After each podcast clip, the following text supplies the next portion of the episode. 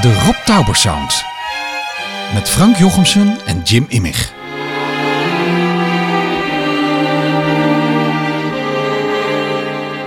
Met deze keer Ruud Bos deel 1.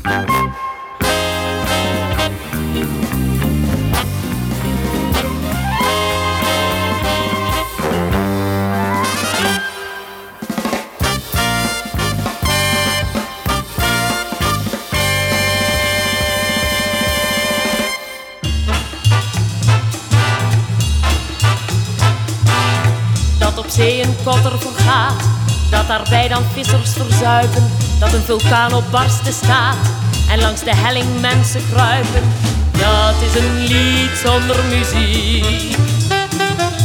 Als een rakettenspecialist zijn nieuwste wapens gaat proberen, dan zal geen slagercomponist zich daardoor laten inspireren. Dat is een lied zonder muziek.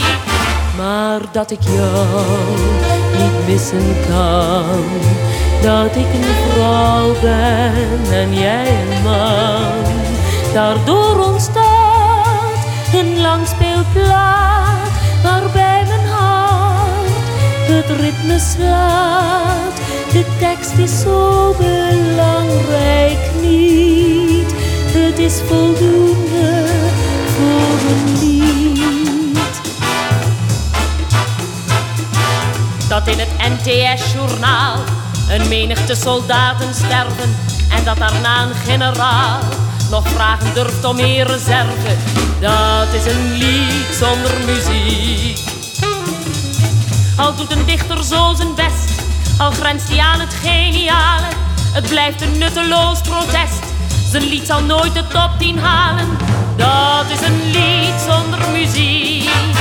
Maar dat ik jou ben kwijtgeraakt nadat je mij had wijsgemaakt dat ons duet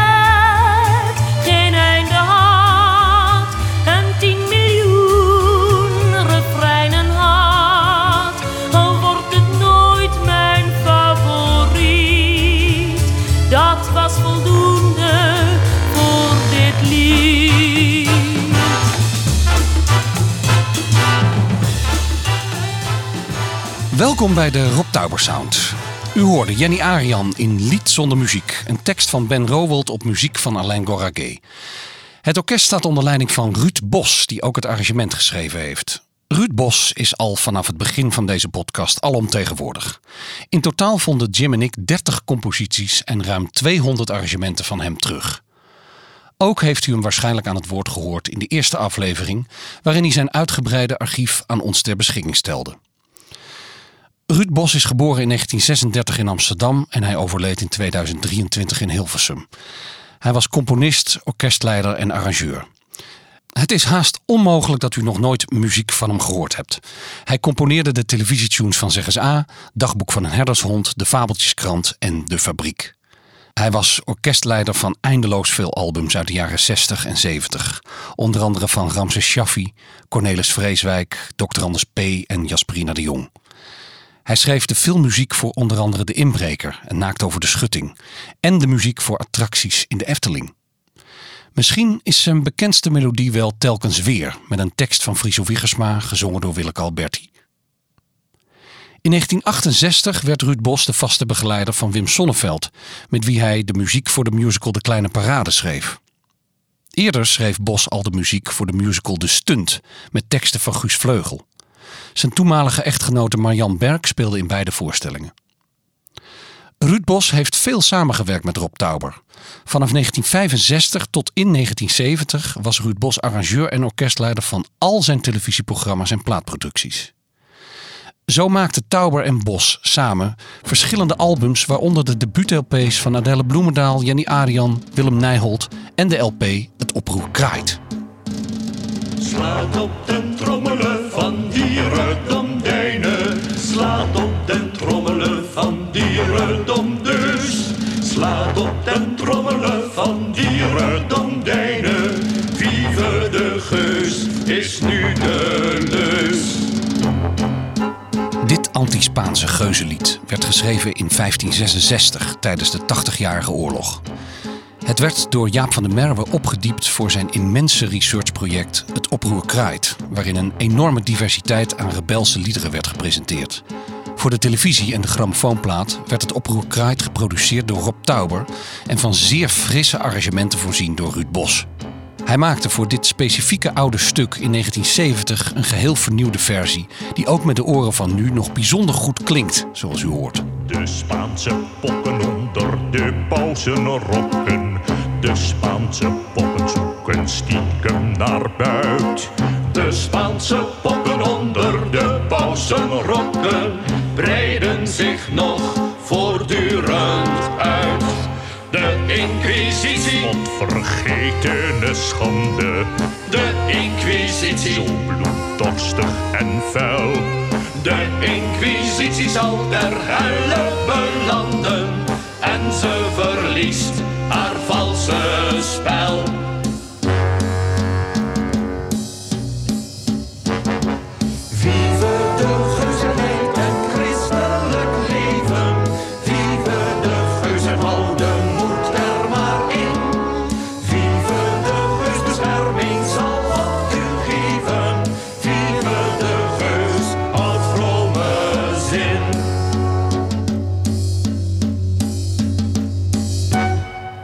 Doet een arrangeur nou eigenlijk precies? In het mediaarchief Beeld en Geluid vonden we een interview met Ruud Bos uit 1965, waarin hij hierover het een en ander vertelt.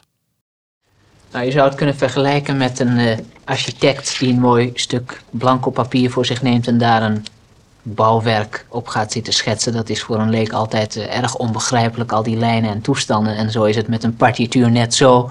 Maar je zou dus ongeveer met elkaar kunnen vergelijken. Lijnen waar eh, de bouwstenen op rusten, als het ware. En dan worden de ramen enzovoort op aangebracht. De trompetten in dit geval, of de saxofoons een arrangement, omdat ik er iets van mezelf aan toe moet voegen. Het anders moet maken, het mooier moet maken als het ware.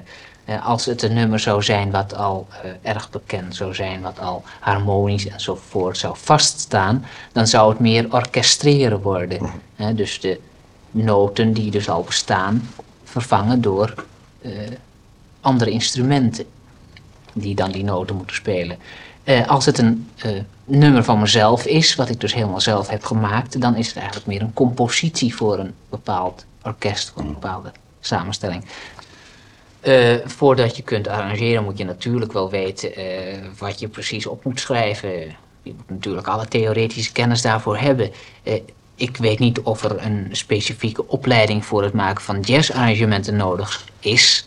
Er zijn arrangeurs die bijvoorbeeld geen klassieke opleiding hebben gehad en toch hele goede jazzarrangementen maken. Dus dat zou ik niet willen stellen. Feeling is hier natuurlijk erg Heel veel feeling en routine. Maar ik persoonlijk heb dus eh, wel een klassieke opleiding gehad en ik heb daar heel veel eh, profijt en lering uitgetrokken. Ik geloof dat het een hele goede basis is waar je dus op voort kunt bouwen op allerlei mogelijke manieren. Ik vind het zeer belangrijk dus. Jim en ik vonden een gigantische hoeveelheid liedjes terug die Ruud Bos arrangeerde en dirigeerde. Zijn er dus al heel veel aan bod geweest in de Rob Tauber Sound. En dat zal ook in de nog volgende afleveringen niet anders zijn. We vonden composities van Ruud Bos terug die we nog niet kenden. Veel opnamen die we vonden werden nooit uitgegeven, maar zijn slechts één keer op televisie te horen geweest. In de komende twee afleveringen presenteren we een selectie en daar zochten we Ruud Bos mee op. Ikzelf kende Ruud al jaren en tutoyeerde hem dus ook. Jim kende hem nog niet zo goed en zei keurig u. Zoals het ook eigenlijk hoort. Het volgende lied is gezongen door José den Burger. De tekst is van Jaap van der Merwe. De muziek is een van de vele onbekende composities van Ruud Bos. Ik woon, ik woon in het liedjes pension. Gezellige kamers van son en chanson. Voor smartlap, voor blues en voor beat. Van de trap zijn door versvoeten versleten. Je zou hier zo de noten van de vloer kunnen eten. Welkom, welkom in dit liedjespension. Met teksten op de muren en wijsjes op het plafond. En in iedere zijn hier niet zo stipt en nauwgezet. Een oude ouvertuur ook met een valse muzet. Op de verveloze zolder woont een levenslied. Een sletje uit de sloppen van Parijs. Ze tippelt op een eeuwenoude wijs. Maar ze slaapt overdag, dus je merkt haar niet. Aan het eind van de maand is het altijd weer gedonder. Om de huur van de protestsong in het kamertje daaronder. En raai eens wie betaalt uit volle beurs, maar zeer discreet. Precies, de leider van de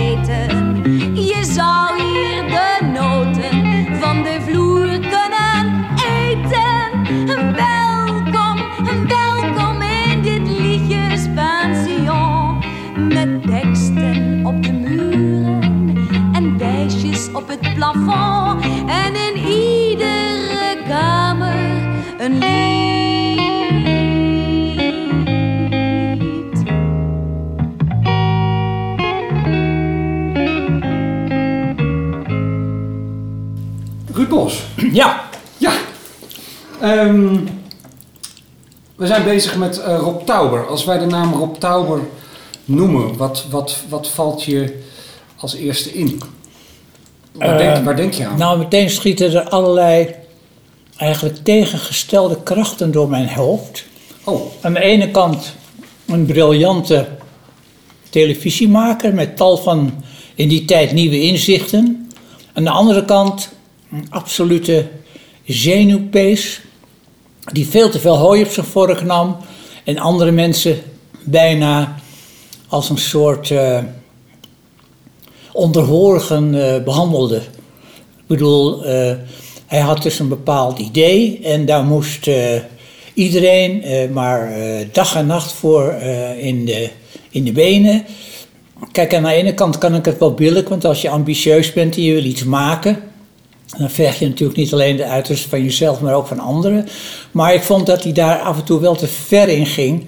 Eh, dan, dan kreeg ik echt het gevoel dat ik een soort eh, slaafje was, wat maar moest komen opdraven als het hem eh, zo uitkwam. En ik hoorde ook wel van technici binnen de toen NOS, geluidstechnici, beeldtechnici, dat die ze werkelijk tot in de diepe nacht voortjoeg om. Want hij had veel te veel hooi op zijn vork genomen, was met veel te veel projecten bezig en eh, probeerde iedereen dan voor zijn karretje te spannen. Maar aan de andere kant moet ik zeggen, zonder al die eigenschappen krijg je natuurlijk toch op een gegeven moment niet iets van de grond. En nou ja, achteraf kan ik het ook wel weer billiken. Maar ik moet eerlijk zeggen dat op een gegeven moment werd het mij te veel. Dan had ik bijvoorbeeld eh, een opname gepland, een studio met een orkest, arrangementen gemaakt. Het was bijna altijd haastwerk. En dan belde die s'avonds uh, heel laat nog op van nee, het moet toch anders. En uh, je zorgt maar dat het morgen klaar is. En ja, daar had ik op een gegeven moment de, de balen van, om het zo maar eens te zeggen. Maar aan de andere kant is dat hij toch ook dingen heeft gemaakt, geproduceerd, die uh, tot op de dag van vandaag nog het aanzien en het houden, aanhoren uh, waard zijn. Ja. Was je zelf toen ook ambitieus in diezelfde fase? Uiteraard, ja. Ja, de, uh, ik, ik herken dus ambitie in andere mensen, omdat ik die ook in rijke mate bezit. En uh, ook mijn hele leven in mijn vak heb geprobeerd om ja, zoveel mogelijk mooie dingen te maken en zoveel mogelijk opdrachten aan te nemen. en, en daarin ook wel waarschijnlijk dingen van mensen heb geëist. Maar ik heb niet de indruk dat ik zo ver ging dat ik andere mensen daarmee gefrustreerd heb. Ik, ja, ik ben heel erg van leven en laten leven. En ik vind het heel belangrijk dat mensen waarmee ik werk eh, zich comfortabel voelen in een bepaalde situatie. En dat er altijd een goede sfeer is. Dan een goede werksfeer is onontbeerlijk om eh, eh, aan het eind een goed resultaat te bereiken. Maar ambitie is mij niet vreemd. En eh, herkennen jullie dat ook in elkaar? Nou, ik herkende het in ieder geval in, in hem. En ik neem aan hij ook in mij. Anders had hij waarschijnlijk niet met mij eh, willen werken. En kun- kunt u iets vertellen over die ontmoeting, hoe dat een beetje gegaan is? Absoluut niet. Weet ik helemaal niets meer van. Kijk, het was toen in de, in de roerige jaren zestig dat mijn carrière eigenlijk ook eh, een aanvang nam. Dat ik binnen enkele jaren met ontzettend veel mensen kennis heb gemaakt. eh, en dat ik door de een en de ander werd opgepikt als eh, ook aanstormend talent. En ja, dat praatte zich natuurlijk door. Eh, mensen hoorden mijn werk en dachten: God, dat is, eh, dat is goed en eh, dat, dat, daar kunnen we misschien eh, gebruik van maken. En dan rol je van het een in het ander. En ik ben in Amsterdam eh, opgegroeid. Eh, ook nog getrouwd met iemand die in het vak zat. Dus ja, dat gaat ontzettend snel dat je ook op feestjes komt en mensen ontmoet en voorgesteld wordt. En ja, het is eigenlijk een soort smeltkroes waar dan weer initiatieven eh, uit ontstaan. Maar mijn eerste ontmoeting met Rob kan ik me absoluut niet meer herinneren. Nou, een van die, de eerste dingen die u deed was bij Jaap van der Merwe in het cabaret op het Leidseplein. Ja, misschien dat ik hem daar al heb ontmoet. Ja, Wist u dat hij zanger was, dat hij zelf ook zong? Nou, zo he- heb ik eh, als eerste, denk ik, ook kennis met hem gemaakt. Want ik herinner me dat ik hem ook nog wel eens heb begeleid voor de radio. In een radioprogramma eh, speelde ik piano. En toen zong hij, dacht ik... Ja, het was altijd een beetje Franse chansons-achtig eh, georiënteerd. Piano in het café, het café aan zee is oud en grijs. De piano in het café, het café aan zee, houdt heel slecht wijs.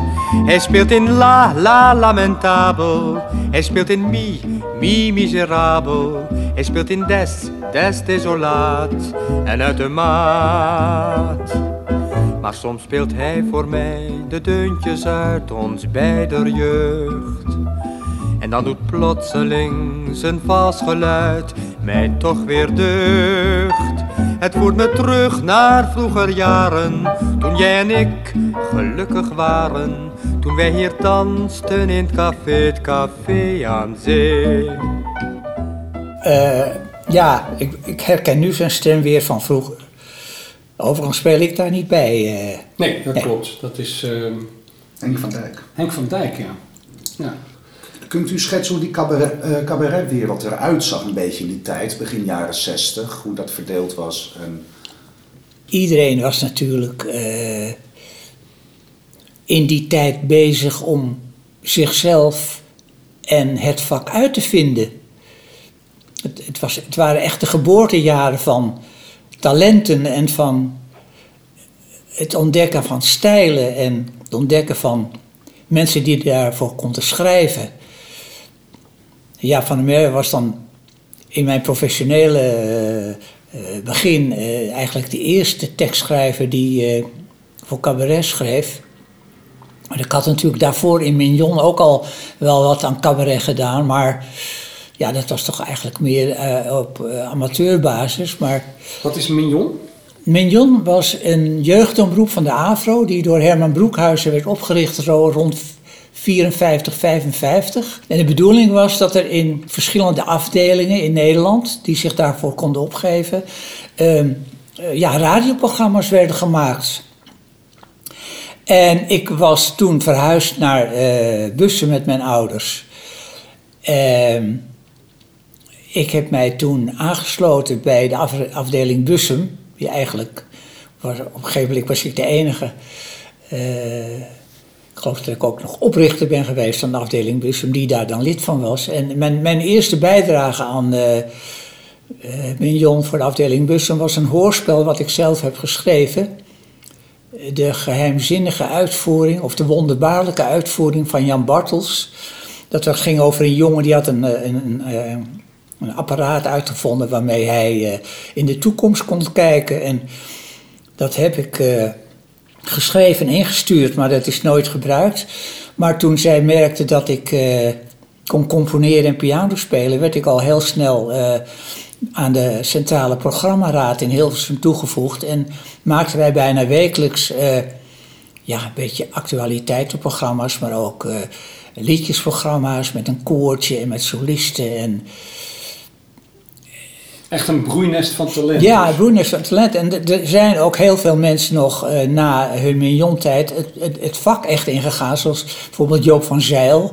En ehm Donald de Marcas is jarenlang nieuwslezer geweest. Een hele mooie stem, ook, kon ook goed zingen. Eh, ik herinner me Henny Spijker.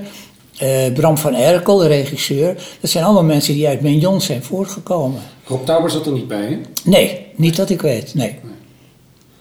Maar dus Jaap van der Merwe was, was, was een belangrijk eh, eh, figuur in, in je eigen carrière. Ja, En heb je daar dan ook Tauber voor het eerst ontmoet? Ik denk het wel, want er kwamen natuurlijk ook mensen kijken in het Leidseplein Cabaret. En ehm, eh, we hadden ook, of Jaap had ook wel eens gastoptredens. Ik herinner me twee jongens uit Israël, Le Doudaim.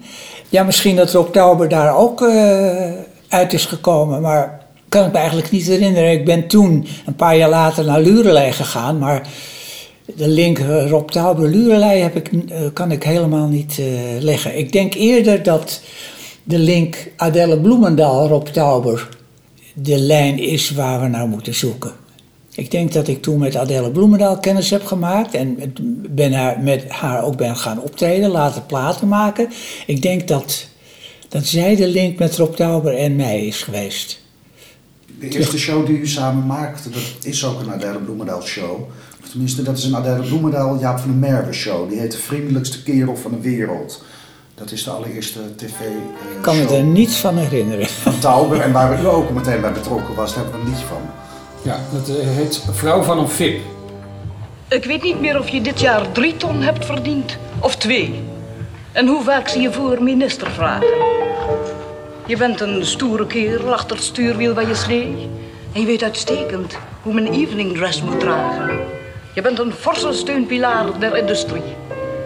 Je bent met je kornuiten heer en meester van de duiten van de nationale economie. Wat jij maar aanpakt, zegt men, wordt een zaak die stand houdt. Maar ik zeg, brandhout. Want schat, je hebt nog zoveel dingetjes te leren.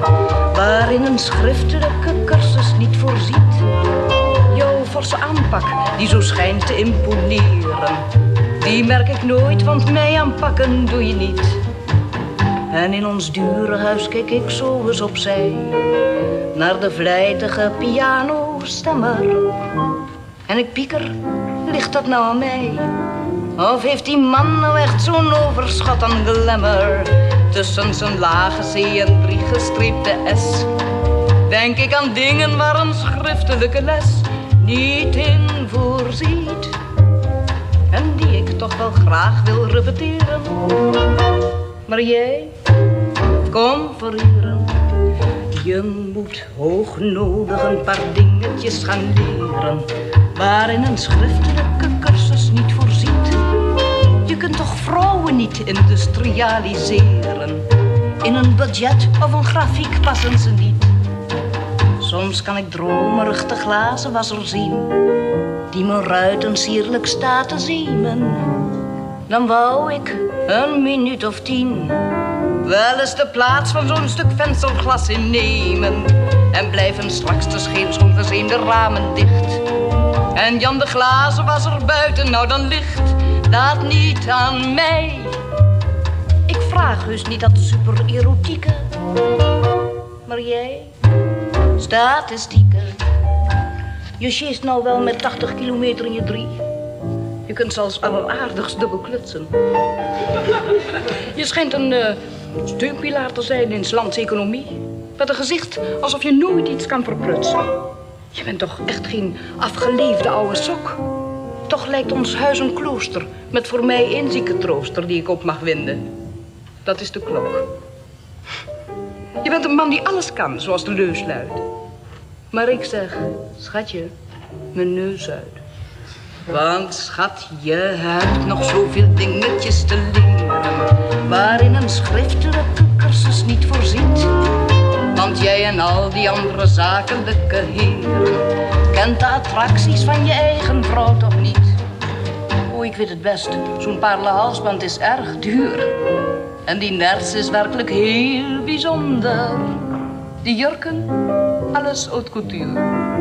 Maar heus, daar zit het hem niet in. Het zit eronder. Jij ziet dat nooit rond bedtijd moet jij hier of daar.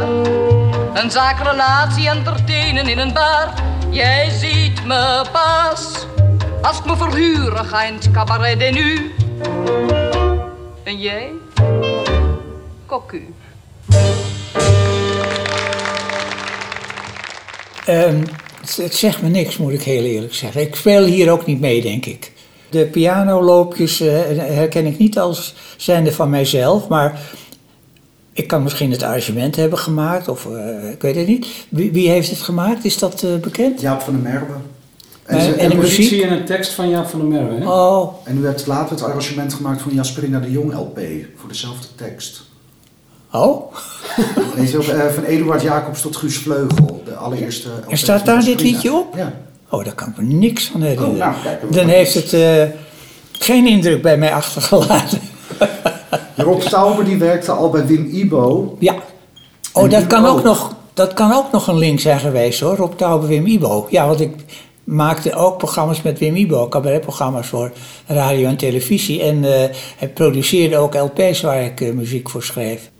Hij schreef ehm, in de jaren zestig ehm eh, treiterige, zure, hele kritische televisierecensies schijnt. Dus hij was heel kritisch op wat er op televisie gebeurde. En toen is Arie Kleiweg op een gegeven moment hè, de, van de VPRO in zicht gekomen. En die heeft gezegd van nou ja, als je zo'n grote bek hebt, probeer het dan maar eens zelf beter te doen. Oh, En, maar het, is, het, het feit is dus dat, dat dit zijn allereerste televisieproductie is, uitgezonden op 31 augustus 1965. En dat jij meteen de leiding over het combo hebt. oh. Rob Tauber heeft überhaupt vanaf, negen, vanaf eh, tot 1970 met niemand anders samengewerkt dan met u. Jullie hebben alles samen gedaan.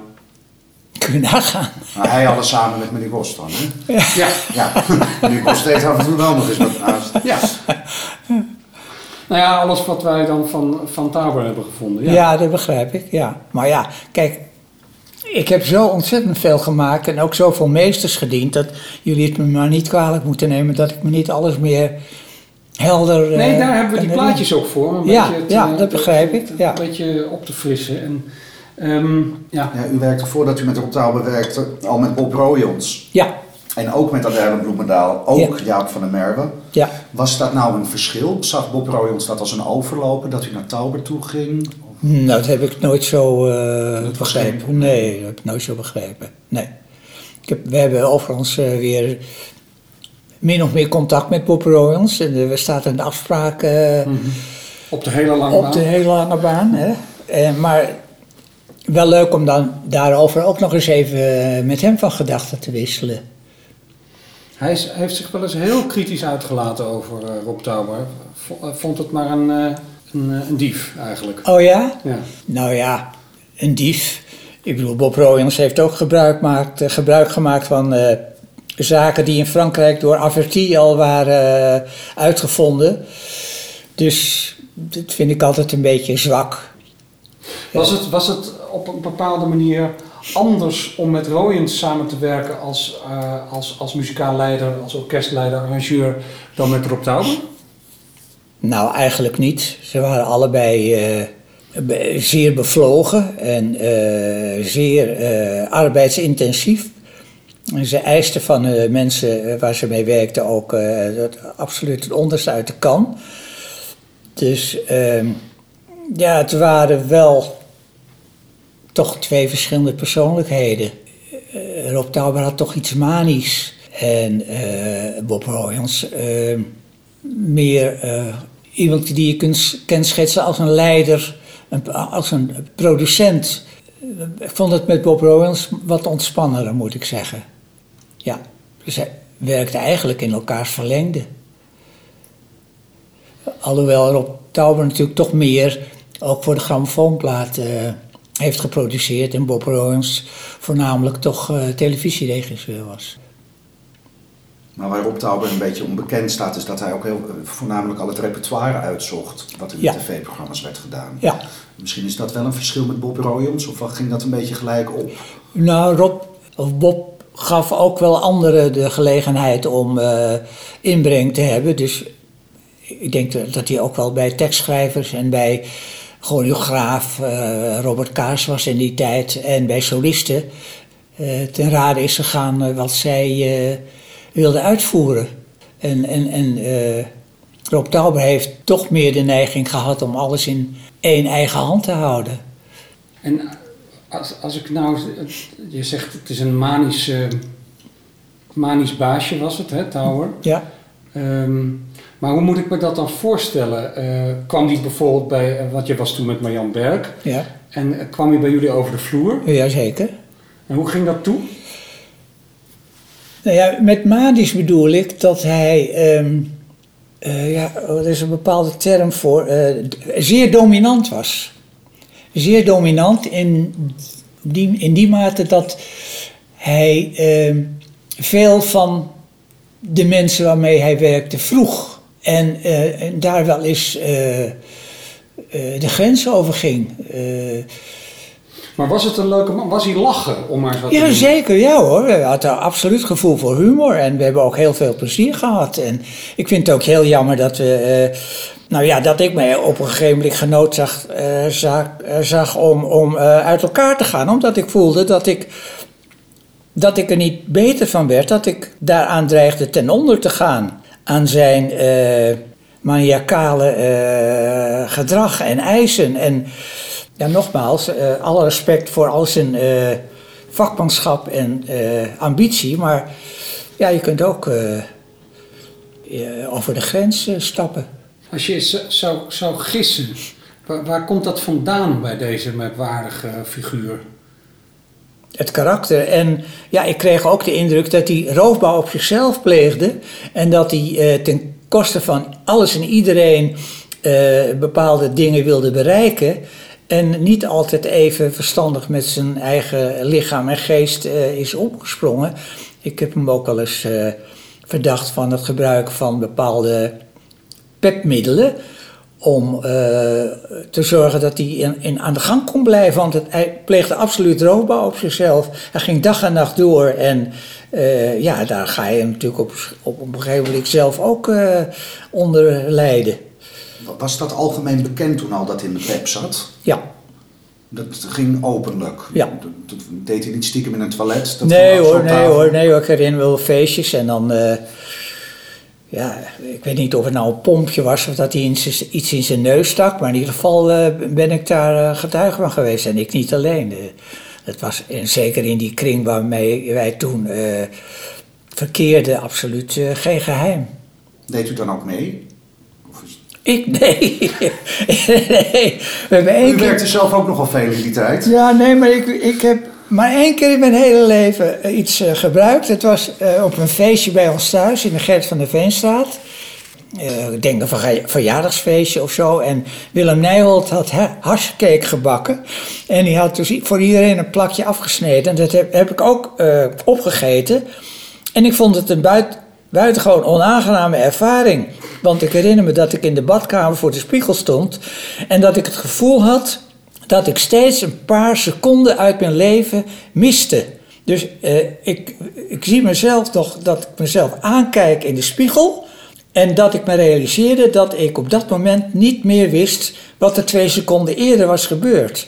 Dus er vonden een soort, eh, zal ik maar zeggen, eh, tijds, eh, tijdsverliezen in mijn hersens plaats. Dus je vond het geen fijn spul? Nee, ik vond het verschrikkelijk. En, maar ik herinner me ook wel, aan de dat is de andere kant van de medaille, dat we, we zaten met een stel op de bank. We hadden zo'n zo'n lage, eh ja, drie zitsbanken, maar we zitten, zaten daar met z'n vijven op te hangen. En we keken naar een televisieuitzending die buitengewoon saai was. Maar wij hadden daar de allergrootste lol over.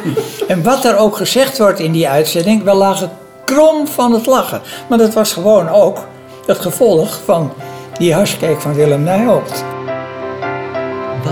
Is het water, de middagzon brandt op het strand. Dan drijft er later een nevel van goud naar het land.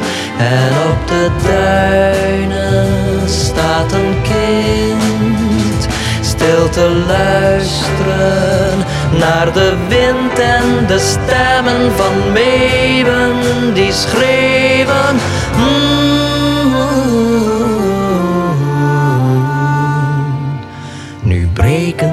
golven in kleuren, de avond die valt. Door water bedolven weerspiegelt de zon in het basalt. En langs de haven loopt een paar. Ze hebben niemand dan elkaar in de chaos van roest en van ijzer en schroot. Rood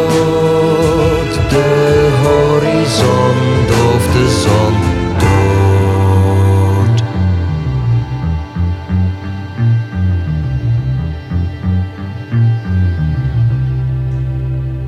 Het is donker en koud in de stad en de wind ruikt naar zout. In de nacht en de wereld lijkt oud. Wanneer de toren slaat. De muziek in de kroeg klinkt als blik. Er zijn vrouwen genoeg. Er is drank, er is veel voor de boeg. Nog vele uren zwaait de vuurtoren rond. Zwiepend zwaait de vuurtoren rond. Steeds maar zwaait de vuurtoren rond, rond. Steeds maar in het rond, steeds maar in het rond. En rond, en rond, en rond, en rond, en rond. Straks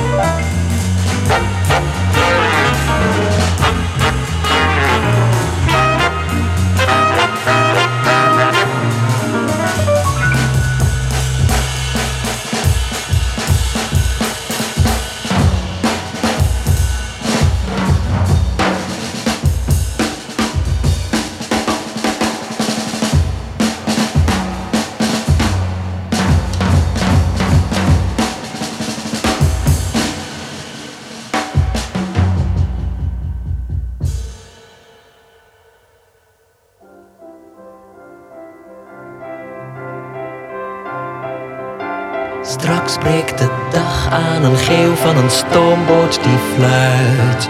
De sluizen gaan open, een schip vaart de haven weer uit. En trekt de golven met zich mee naar de verte. Naar de zee, naar de tropen, naar brandende landen.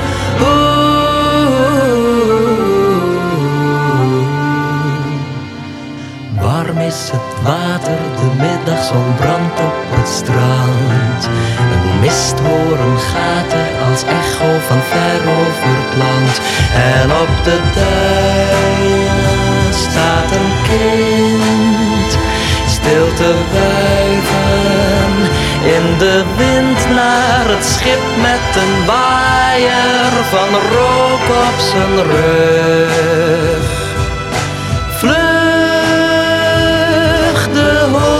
Horizon naar de zon terug.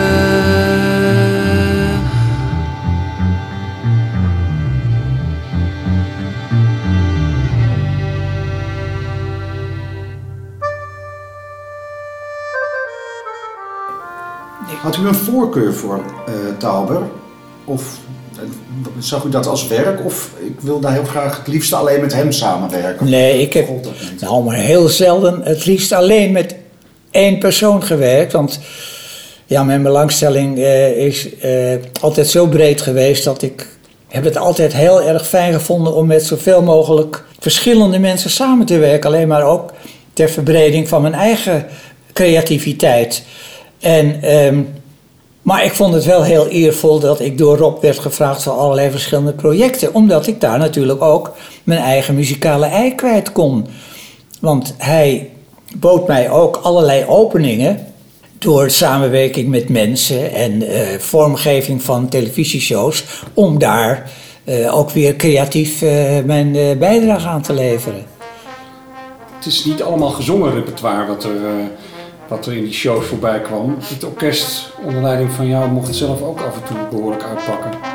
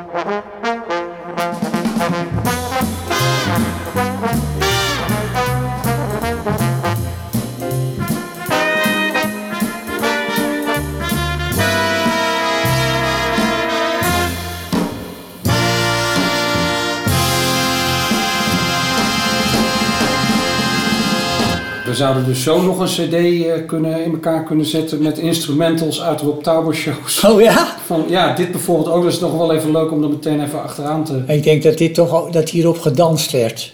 Ik Ja? Denk, ja, ik denk niet dat het alleen maar in beeld gebracht werd eh, met een orkest dat zat te spelen. Ik denk dat er wel wat meer omheen gebeurde. Visueel ook, ja. Ja, en ik, ik denk aan, aan een, aan een eh, ballet. En dit?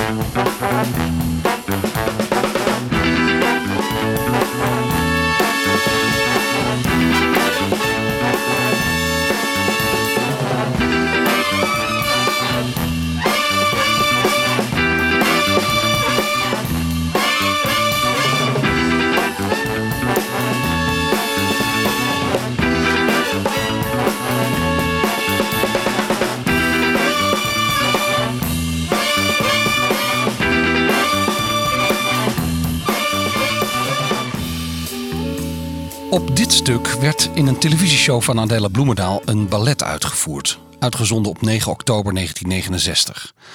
Uit ons onderzoek bleek later dat dit een Ruud Bos arrangement is van het stuk Ice Pick Mike, wat Lalo Schifrin, een grote inspiratiebron voor Ruud, componeerde voor de film Bullet in 1968.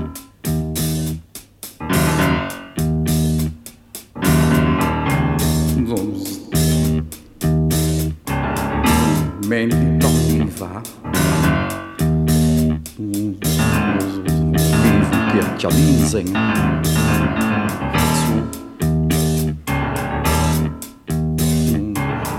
Proberen. Ben man voor de mal. Ik rommel wat rond. In het donker. Onder de grond. Mompel, mompel. Mompel, mompel. En mijn enige lalletje is mijn bloedige halletje. Dan ga ik mijn gangetje en rook een sigaartje. Mompel, mompel. Mompel, mompel. Dit is het lied van Mon voor de Mol uit de Fabeltjeskrant. Voor de plaat opgenomen in 1969 en gezongen door Frans van Duschoten. Hoewel het met Rob Tauber niets te maken heeft, is het achteraf curieus en leuk om even te laten horen hoe Ice Pick Mike van Lalo Schifrin Ruud Bos geïnspireerd heeft voor deze compositie. Nog even terug naar Ice Pick Mike.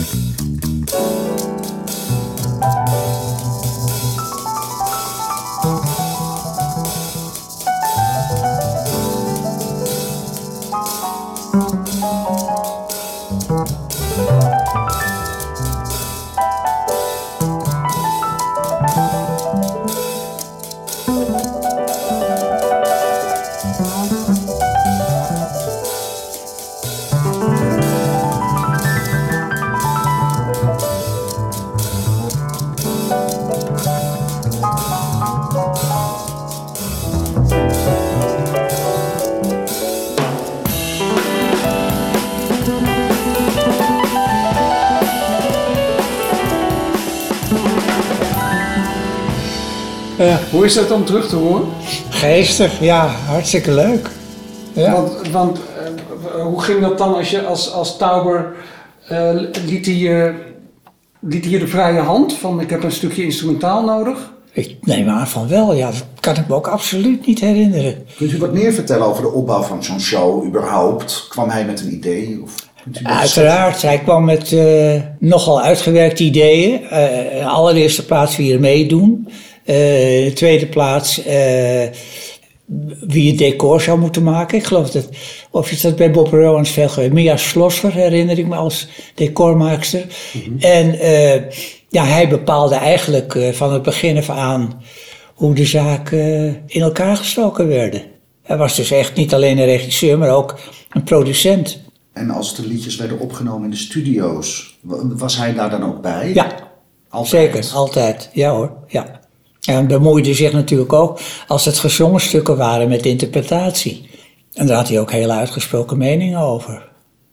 Was dat uniek dat een tv-regisseur zich daarmee bemoeide? Nou, ik had toen nog niet met heel veel regisseurs samengewerkt, dus daar kan ik ook geen vergelijking in maken. Maar ja, ik denk dat iedere regisseur die ook een bepaalde C heeft over de vormgeving en over het eindresultaat, eh, ook wel heel erg nauw bij de muziek eh, betrokken wil zijn. Dus ik kan me eigenlijk niet anders voorstellen dat de regisseurs waarmee ik in ieder geval heb gewerkt, altijd eh, ook in de studio bij de muziekopname waren. En waren de vocalisten daar dan ook meteen bij? Of was dat op dezelfde dag? De orkestopname en een vocalist? Want we hebben het over playbackbanden natuurlijk. Ja. Want op televisie Nee, nee, nee. Nee, de solisten waren er niet altijd bij. Eh, omdat je van tevoren natuurlijk de toonsoort bepaalde en, en, en eh, tempo en dat soort dingen. En je repeteerde ook van tevoren. Dus eh, er zijn wel situaties dat de solisten voor het eerst een eh, orkestband te horen kregen. en daar dan al of niet blij door verrast waren en dat moesten inzingen. En je zei net, ehm, hij had hele uitgesproken gesproken meningen over interpretatie. En, Ja. Eh, maar hoe moet ik me dat voorstellen? Stond, hij stond naast de solist in de studio en Nou, meestal zat hij in de controlekamer met, in dit geval, als ik de muzikaalleider was, mij en de technicus. En riep dan door de microfoon van, eh, ja, kun je dat zo, zo, zo doen? En dat spreek je niet helemaal goed uit. En, en dat kun je dat een beetje beter laten uitkomen. Dus hij had daar wel eh, eh, zelf ook een mening over. moest het ook perfect. Ja, zeker. Dus het was, het was, het, hij ging niet voor een zesje. Nee hoor, nee hoor. Nee, zeker niet. Nee, het kan. En ook kritisch. Ja. Was hij ook producent en die LP van eh, Jenny Arian die ik heb gemaakt? Ook? Oké. We kunnen er even wat van draaien. We hadden iets uitgezocht. Ja, ik herinner me vooral het liedje Kinderen. Dat vond ik erg... Dat is niet voor niks blijven hangen. Ze rennen door de straat, ze dansen door de stad en kwetteren als kleine vogels met elkaar. Ze komen vaak te laat aan tafel en in bad. Ze ruimen nooit wat op en kammen nooit hun haar. Kinderen, kinderen. Ze snappen het gedoe van grote mensen niet en lachen om een hoed die wegwaait in de wind. En zijn ook af en toe ontroostbaar van verdriet wanneer iets niet gebeurt wat iemand vast beloofd had. Kinderen. Ze groeien met de dag, al lijkt het vooralsnog geleidelijk te gaan voor wie hen dagelijks ziet. En heel veel wat niet mag, dat doen ze lekker toch. Ze zijn al jaren niet meer bang voor Zwarte Piet. Kinderen, kinderen. Ze leren dat je geld niet makkelijk verdient. Ze leren hoe gemeen de mensen kunnen zijn. Ze zoeken zich een held en raken dan bevriend met iemand die helaas thuis niet zo in de smaak valt. Kinderen. Lezen wat men leest na negenen in bed en dromen van wat grote mensen samen doen. Ze roken op een feest hun eerste sigaret en proeven in een hoek de eerste echte zoen. Kinderen, kinderen. De jaren gaan zo gauw, je merkt het niet en dan opeens herhaalt zich de geschiedenis alweer. De man die vindt een vrouw, de vrouw die vindt een man. En voor ze het zelf beseffen, komt ook voor hen het wonder. Kinderen, die rennen door de straat, die dansen door de stad. Kinderen, kinderen, kinderen.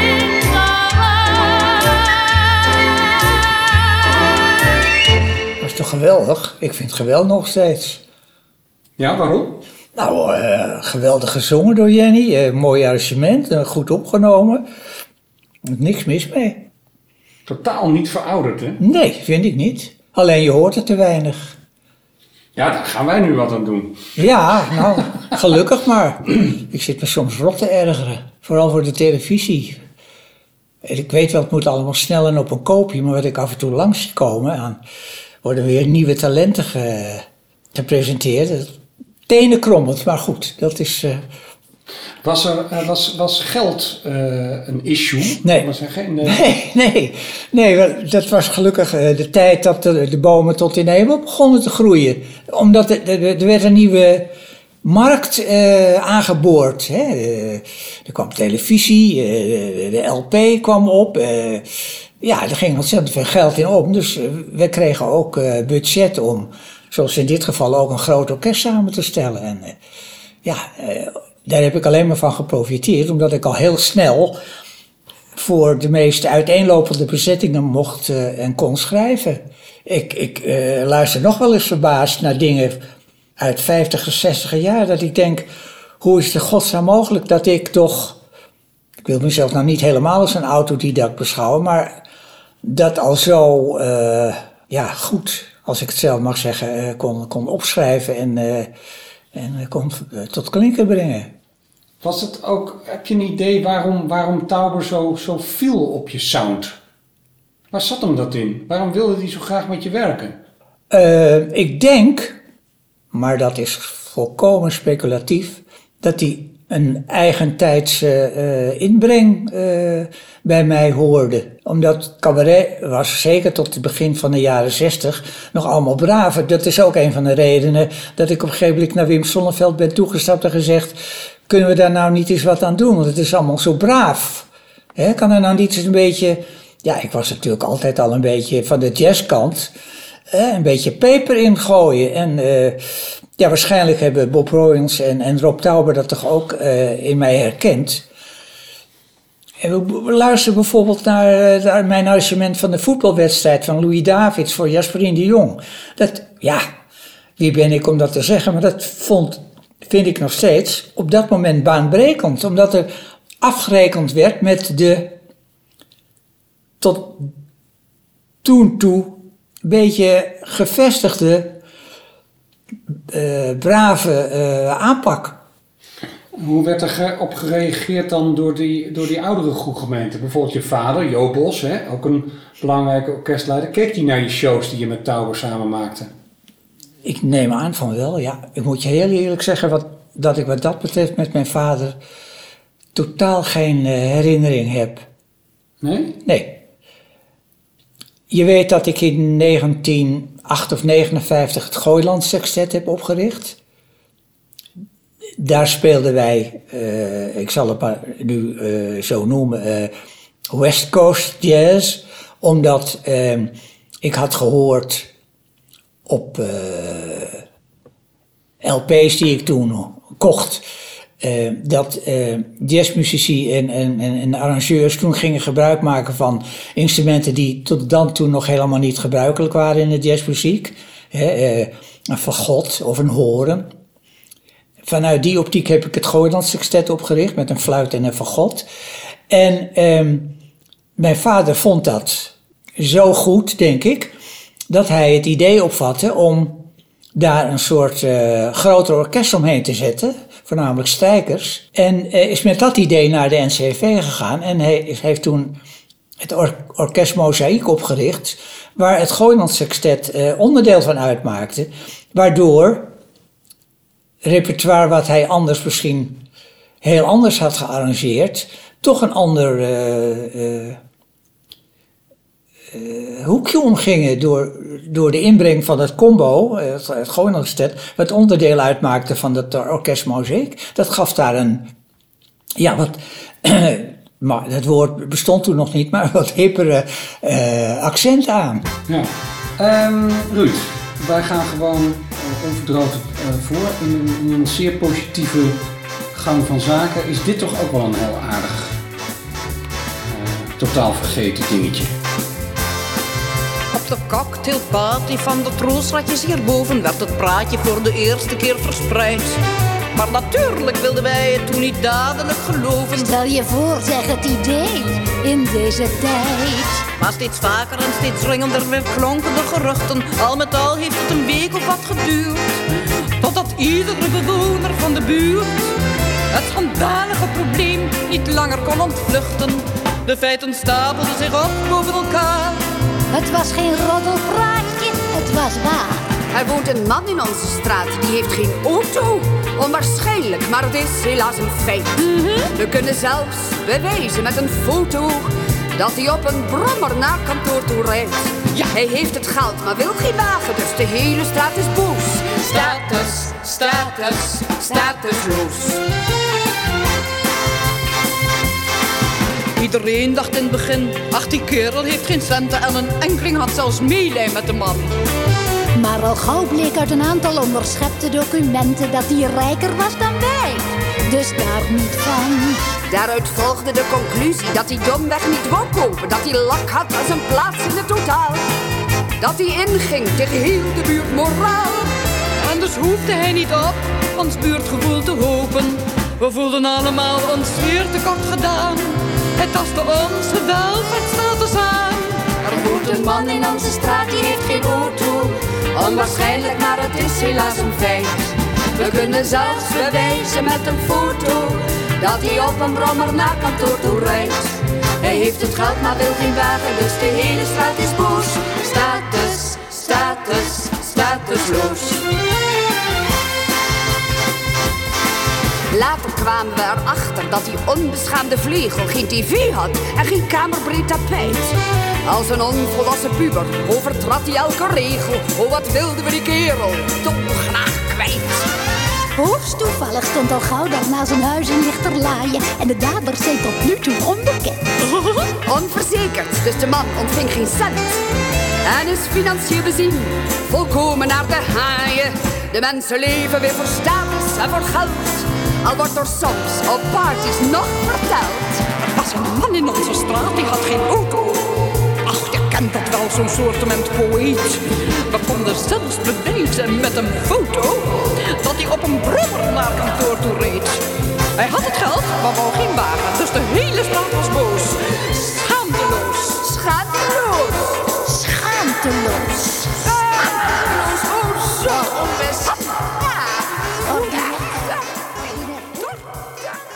vind dit geen hoogstandje, als ik het zeggen mag. Oh, oké, waarom niet? Ik vind het erg rommelig. En ik vind het ook moeilijk. Als objectieve luisteraar weet je toch eigenlijk helemaal niet waar het liedje over gaat. Maar dat is wel vaker zo in het repertoire van de heer Tauber. Jezus, Mina. Nee, ik vind- ben hier niet eh, kapot van. Oh. Maar ik kan het me ook totaal niet herinneren, dus dit heb ik echt verdrongen. Uit de show met Ina van Vaassen komt het.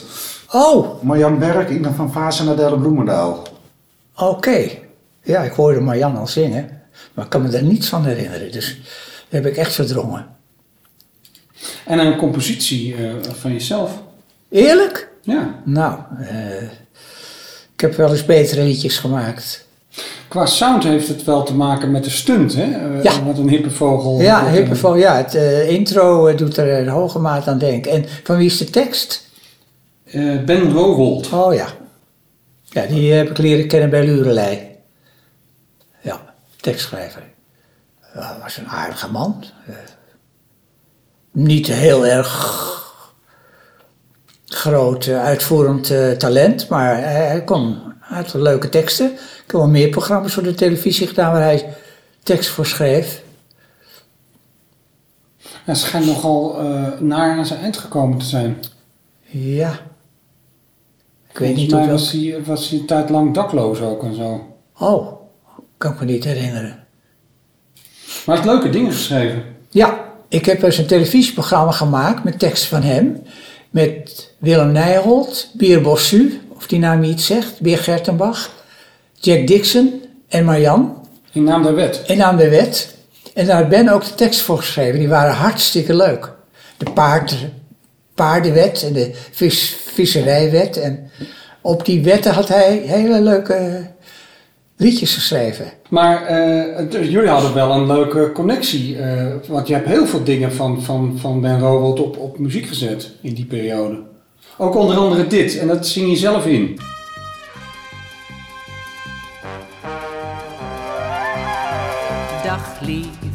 Ben je erg geschrokken toen je het hoorde? En dacht je toen, mijn man kan zelfs een vlieg nog niet vermoorden? En dacht je dat het allemaal een misverstand zou zijn? Dat spijt me dan verschrikkelijk, dat doet me werkelijk pijn. Probeer je het te beheersen, klem je tanden op elkaar. Want alles wat ze zeggen is waar. Toen vorig jaar zo plotseling mevrouw Sanders was verdwenen, zei jij bij het ontbijt, dat had ik altijd wel verwacht. Dat oude mens dat flirte nog en toonde steeds haar benen, die heeft erom gevraagd, die is verkracht. Maar lieveling, de feiten liggen anders. Ik moet er niet aan denken, die oude mevrouw Sanders. Ik deed het uit verveling op mijn woord. Ik heb haar mijn lief uit geen ander motief dan uit louter verveling vermoord. Weet het, andere mannen gaan aan autootjes knoeien. Of spelen, klaverjas, maar dat heeft mij nooit kunnen boeien. Ik heb het geprobeerd, maar ik verprutste elke kaart. En ook het doe het zelf verstrookte niet zo met mijn aard.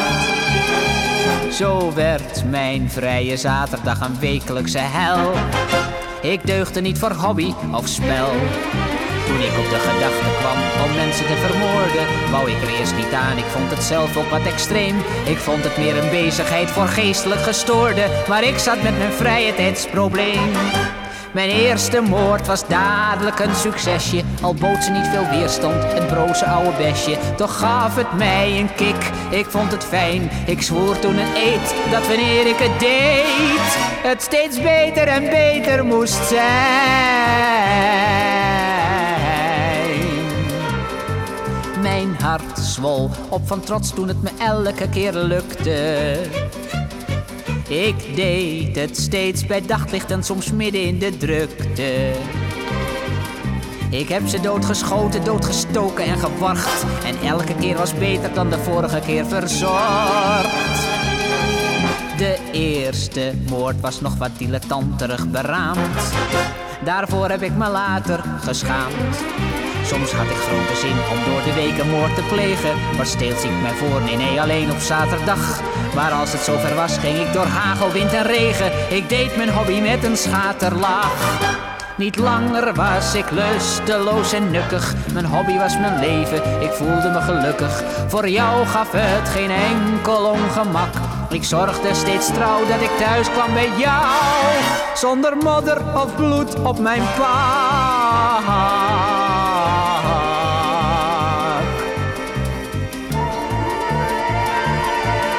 Als morgen de politie in ons tuintje komt kijken wijs jij ze dan het rozenperk, want daar liggen de lijken. Ja, alle 64 op een rijtje naast elkaar. Het lijstje met hun namen ligt verstopt in het dressoir. Ik heb mezelf vanmorgen op het hoofdbureau gemeld. Er werden zoveel leugens verteld. Ik ergerde me als de maandagochtendkranten schreven. Alweer een lustmoord van de seksuele psychopaat. Maar schat, geloof me nooit, werd ik door vuigelust gedreven. Daar was ik zonder meer niet toe in staat. Ze zullen wel mijn goede naam bekladden. Denk dan aan die momenten die wij tezamen hadden. Mijn hobby was misschien wat radicaal. Maar jou bleef ik trouw, ik hield enkel van jou. Ja, wat dacht je, dat is toch normaal?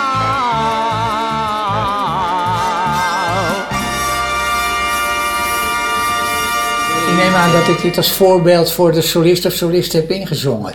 Als demoversie. Gerard Cox. Ja, Heeft Gerard het uiteindelijk gezongen? Ja, dit, Oh. komt, eh, dit komt uit, een, eh, uit het archief van, van Gerard Cox. Oh. En, eh, Leuk hoor. Hartstikke leuk. Ik vond het ook wel erg goed eigenlijk. Nou, moet je eerlijk zeggen, ik heb gisteren een hele zak met cd's weer uit de kelder gehaald en doorgeduid van ik dacht, wat moet ik ermee? En er blijken zeker 20 cd's waar ik zelf allemaal liedjes in zing voor de musical Pietje Bel. Dus ik maakte eh, de, de, de muziek op teksten en dan liet ik aan de solisten horen hoe ik er onge- ongeveer over dacht dat het gezongen zou moeten worden. Deed u dat in die tijd, in die samenwerking een beetje met Tauber, deed u dat ook, deed u dat vaker? Ja, meestal, ja. Ik denk dat ik altijd wel demootjes heb gemaakt waar ik zelf eh, heb op, op ingezongen, ja. Had je daar lol in? Ja, vind ik leuk. ja, ja zeker. Ja, dat is wel te horen. Ja, enthousiasme is... Ja. eh, Nou, jij herinnert je de onkruidzaaiers en fabeltjesland, waar ik ook heb ingezongen. En zelfs op een gegeven moment heb gezegd, laat mij dat liedje maar zingen. Want zoals jij dat zingt, slaat het nergens op. Wel hoogvaardig, maar... Ja. Ehm, ik wou even toch nog ehm, het hebben over dat, eh, dat orkest. Eh, want je had toen een min of meer vast, vast orkest. Eh, Nou ja, bestaande uit de min of meer altijd dezelfde muzikanten. Ja. Afhankelijk van de bezetting. Ja. Over wie hebben we het? Namen? Wie schiet hier een beetje? Nou, de strijkers eh, haalde ik meestal uit het Metropoolorkest. Ja. Ik belde dan Benny Beer en, en zei, luister Benny, dan en dan heb ik eh, opname. Daar heb ik voor nodig twaalf violen, vier celli, vier altviolen. En dan zorgde hij tegen een vergoeding dat die mensen daar dan zaten. Ja, de blazers gebruikte ik altijd dezelfde. Piet Noordijk, saxofoon, Herman Schoonrold, saxofoon, Toon van Vliet, Rudy Brink, eh, trompetten, eh, Ado Broodboom, Kees Smal, eh, Wim Kuilenburg, Jan Vleeshouwer. van de trombonisten Rudy Bos, Erik van Lier, Bart van Lier later. Ritmesectie, meestal Evert Overweg. En eh bassisten, ja. Wim de Vries, eh, later Rob Langerijs, eh Jacques Scholz. Dat, dat, ja, dat, dat, Zo'n zo'n pool van muzikanten waar ik dan uit putte. Zie je ze weer zitten als je ze zo... Want ik, Ja, ja, ja. ik zie je zo heel gefocust. Ja, gelukkig zijn er ook nog foto's van, dus ik kom ze nog wel regelmatig tegen. Ja. Ja, ja, oude knakkers. Het grappige is dat mijn vader werkte al eind jaren 40, begin 50 bij de radio als pianist. En ik ging met hem wel eens mee naar de studio. Dan kwam ik ook bij het Metropoolorkest. En die muzikanten leerde ik, op dat moment leerde ik die kennen. Dat ik later dus ook van een aantal muzici uit het orkest zelf ook ben gaan putten. En ook van hun opvolgers. Hè, want er vond toch regelmatig natuurlijk ook eh, verfrissing plaats. Ja, zo gaat dat. Je, je hoort een muzikant, of live, of op, op een opname. Je denkt, god, die is goed, die, die, daar wil ik wel eens mee werken. En dan gebeurt dat ook. Eh, kennismaking met Jacques Scholz. Eh, ik kende hem uit de Diamond Five, die ik wel eens beluisterde in de, in de jazzclub in de, in de Amstelstraat. Hoe heet die jazzclub ook weer? Eh, De Scheherazade. Scheherazade. En op een dag kom ik hem tegen op de hoek van de Van Egenstraat en de Jacob Obergstraat. Toevallig. Ik zeg, hey Sjaak, ik zoek eigenlijk een bassist eh, voor dat en dat project. Zou je er wat voor voelen om mee te spelen? En nou, dat is een van de wel grappige eh, ontmoetingen geweest. En de manier waarop je met de muzikant eh, kennis maakt. Was lekker werken met die gasten. Ja, maar met Sjaak had ik altijd, maar dat is mijn hang-up. Als ik zelf piano speelde, jazz, en Sjaak stond naast mijn bas te spelen, zag ik hem vaak wat laatdunkend naar mij kijken. En ik werd daar heel onzeker van. Oh? Er ging op bepaalde momenten een soort negatieve energie van hem uit. En dat vond ik jammer. En hoe was dat, eh, Robbie Langerijs? Om maar eens iemand te. Eh, geweldig. Zo'n enthousiaste, blije, humorvolle, energieke jongen. Ja, daar heb ik daar echt jaren van genoten. Niet alleen van zijn persoonlijkheid, maar ook uiteraard van zijn basspel. Ik, daar kijk ik met heel veel dankbaarheid op terug. Ik vond hem geweldig. En Gerard Cox kon zich herinneren eh, dat voor, voor veel dingen die jullie samen hebben gedaan en met Rob Tauber ook, dat, dat dan Evert Overweg achter de Ja, ja. geslacht ja werd. omdat hij heel allround was. Hij kon allerlei eh, stijlen spelen. Rob Langerijs was niet altijd even enthousiast over eh, eh, Evert als, als, als, als jazzdrummer. Maar in het brede repertoire was Evert eh, fantastisch. Hij las ook als een duivel. Dus eh hoefde een partij maar één keer te zien of te spelen en het zat meteen als een, als een huis. Dat is natuurlijk ook belangrijk eh, bij opnames waar iedere minuut telt aan muzikanten en studiokosten. Dan ga je natuurlijk uit van muzikanten die eh, weinig tijd nodig hebben om het, de materie zich eigen te maken. Want we hebben het over een heel breed eh, klankpalet. Hè, wat zo in die, in die vijf jaar, als we 1965, 1970 een beetje overzien wat je met Rob Tauber aan, aan producties hebt gedaan. Ja. Er komen een hoop muzikale stijlen voorbij. Maar binnen het element is toch wel de jazz. Er zitten veel dingen bij die erg jazzy klinken. Ja. Komt dat uit jou of komt dat uit Rob Dat zal, dat zal uit mij zijn gekomen, want dat was en is nog natuurlijk toch wel een belangrijk onderdeel van mijn stijl. En, maar ik neem aan dat het ook bij hem in het pulletje is gevallen, want anders dan eh, had hij wel eh tegengestribbeld.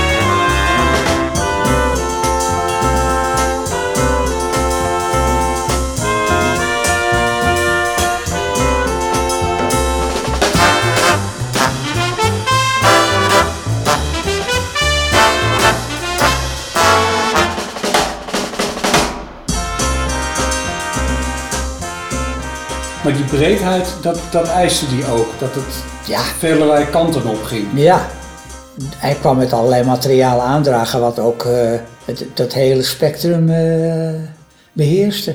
En dat materiaal, waar kwam je daarmee aandragen? Hoe zag dat eruit? Nou, heel veel eh, eh, buitenlandse eh, chansons, songs die hij op LP of hoe dan ook had gehoord en die hij dan liet vertalen en, en, en, en, en aan mij gaf. Hij was eh, geëpateerd of geïnspireerd door, door, dus door buitenlandse, eh, zou ik maar zeggen, composities, opnames, eh, Frans, Duits, Engels. En wilde dat terugbrengen naar het Nederlands. Dus dat was een belangrijk onderdeel van de manier waarop hij zijn repertoire verzamelde. Het eerst van een ander horen en het dan transponeren naar een Nederlandse tekst, naar een Nederlandse uitvoering. Zei je wel eens nee tegen hem? Dat je echt zegt van nou, dat vind ik niks. Kan me niet herinneren. Nee. Het zal best, maar dat weet ik niet. Hoe gaat dat in een samenwerking? Eh, je gaat sparren met elkaar. Eh, je komt met voorstellen, je komt met, met ideeën. Ja, dan zal er ook wel eens, zullen er ook wel eens dingen botsen of meningen of smaken. Dat, ja, dat, dat is inherent aan een work in progress, denk ik. Terwijl Tauber nog met u samenwerkte, eh, kreeg Gerard Kok zijn eigen eerste televisieshow. En die bracht Rogier van Otterlo aan. Dat is de allereerste keer dat Tauber met een andere orkestleider samenwerkte. Ik denk dat dat uit Gerard kwam, want dat waren maatjes. Hoe keek u Allebei vervente Feyenoord-aanhangers. Hoe keek u daar tegenaan? Want u, dat was de eerste keer. Aan de, voelde, zich u aan, de- voelde u zich aan de kant gezet? Nee hoor, helemaal niet. Nee, dat, Als ja. vervent Ajaxiet. Als vervent Ajaxiet. Nee, ja, zo gaat dat.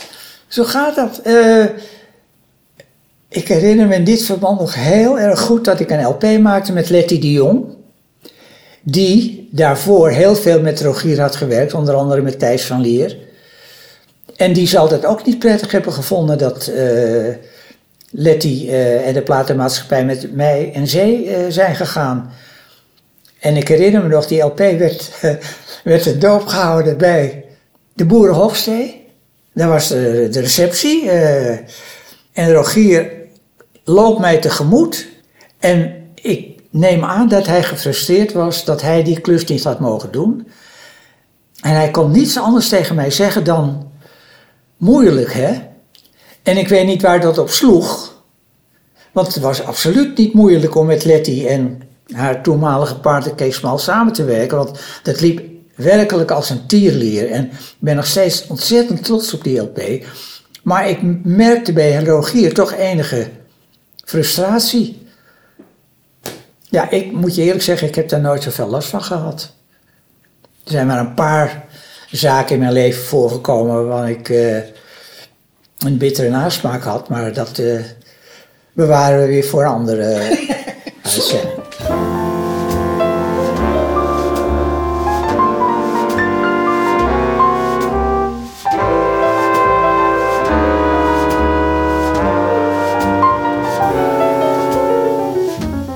Is een van de zeldzame opnamen van het orkest Ruud Bos dat een arrangement van Bos tijdgenoot en collega Rogier van Otterlo uitvoert. A Little Bit in Love, een stuk van Leonard Bernstein. De opnamen werden gemaakt voor een show van Adele Bloemendaal.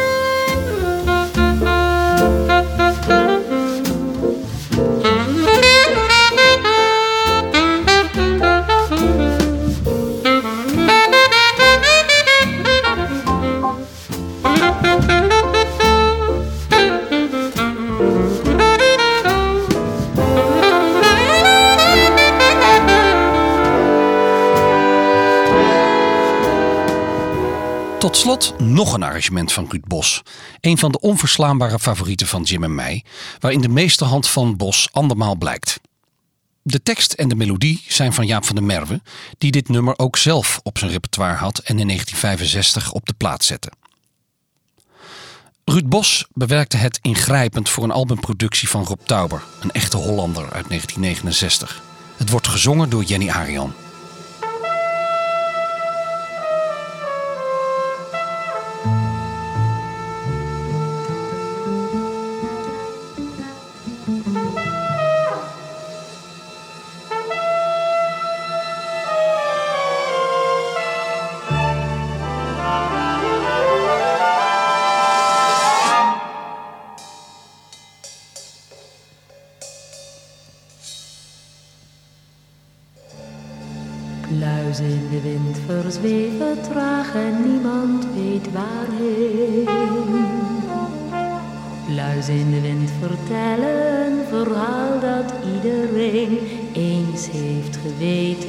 Maar alweer vergeten. Pluis in de wind over het zand in Gaasterland dwalen de schapen wit van de wol tot Pait Hiemstra komt, scherende wol, handen vol, handen vol. Pluis in de wind verzweven traag en niemand weet waarheen. Pluis in de wind vertellen verhaal dat iedereen eens heeft geweten, maar alweer vergeten. Pluis in de wind. Hugo de Roo in Almelo maakt van die wol een degelijk hemd en in heerlijk Kochang hameleerzer dat hemd en draagt het. Pluis in de wind verzweven traag en niemand weet waarheen. Pluis in de wind vertellen verhaal dat iedereen eens heeft geweten, maar alweer vergeten. Pluis in de wind. Degelijk hemd is voorbestemd het lot om te eindigen als. Het komt bij Sam van Gijn, lompe metalen op het waterlooplijn. Pluis in de wind verzweven traag en niemand weet waarheen. Pluis in de wind vertellen een verhaal dat iedereen eens heeft geweten, maar alweer vergeten. Pluis in de wind. Sam moet verdwijnen uit Amsterdam. Heel de mischpogen, kinders en wijf plunje op zijn rug en het wollen hemd aan zijn lijf, het is nebbisch. Pluis in de wind verzweven traag en niemand weet waarheen. Pluis in de wind vertellen een verhaal dat iedereen eens heeft geweten, maar alweer vergeten. Pluis in de wind. Opa Kafreita Helmoet mij poetste vandaag zijn laars met een lap wol. Uit Nederland zwaar van het zweet, het bloed, de tranen. Pluis in de wind verzweven traag en niemand weet waarheen. Pluis in de wind vertellen een verhaal dat iedereen eens heeft geweten, maar alweer vergeten.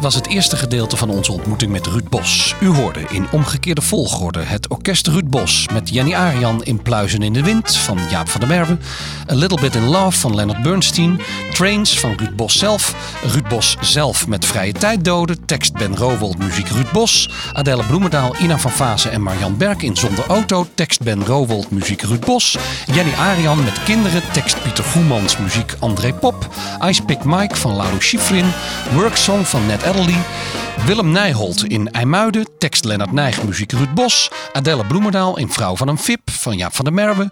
Rob Tauber in De Piano aan Zee, tekst Ernst van Altena, muziek Charles Trenet. José den Burger in Liedjespension, tekst Jaap van der Merwe, muziek Ruud Bos. Ger Smit met koor in Slaat op den Trommelen van Arend Dirkzoon Vos. En Jenny Arian in Lied zonder muziek, tekst Ben Rowold, muziek Alain Goraguet. Tot de volgende keer.